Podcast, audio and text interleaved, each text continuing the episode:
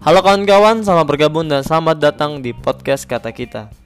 Perkenalkan gua sebagai host kalian, nama gua Ziljan Gilang.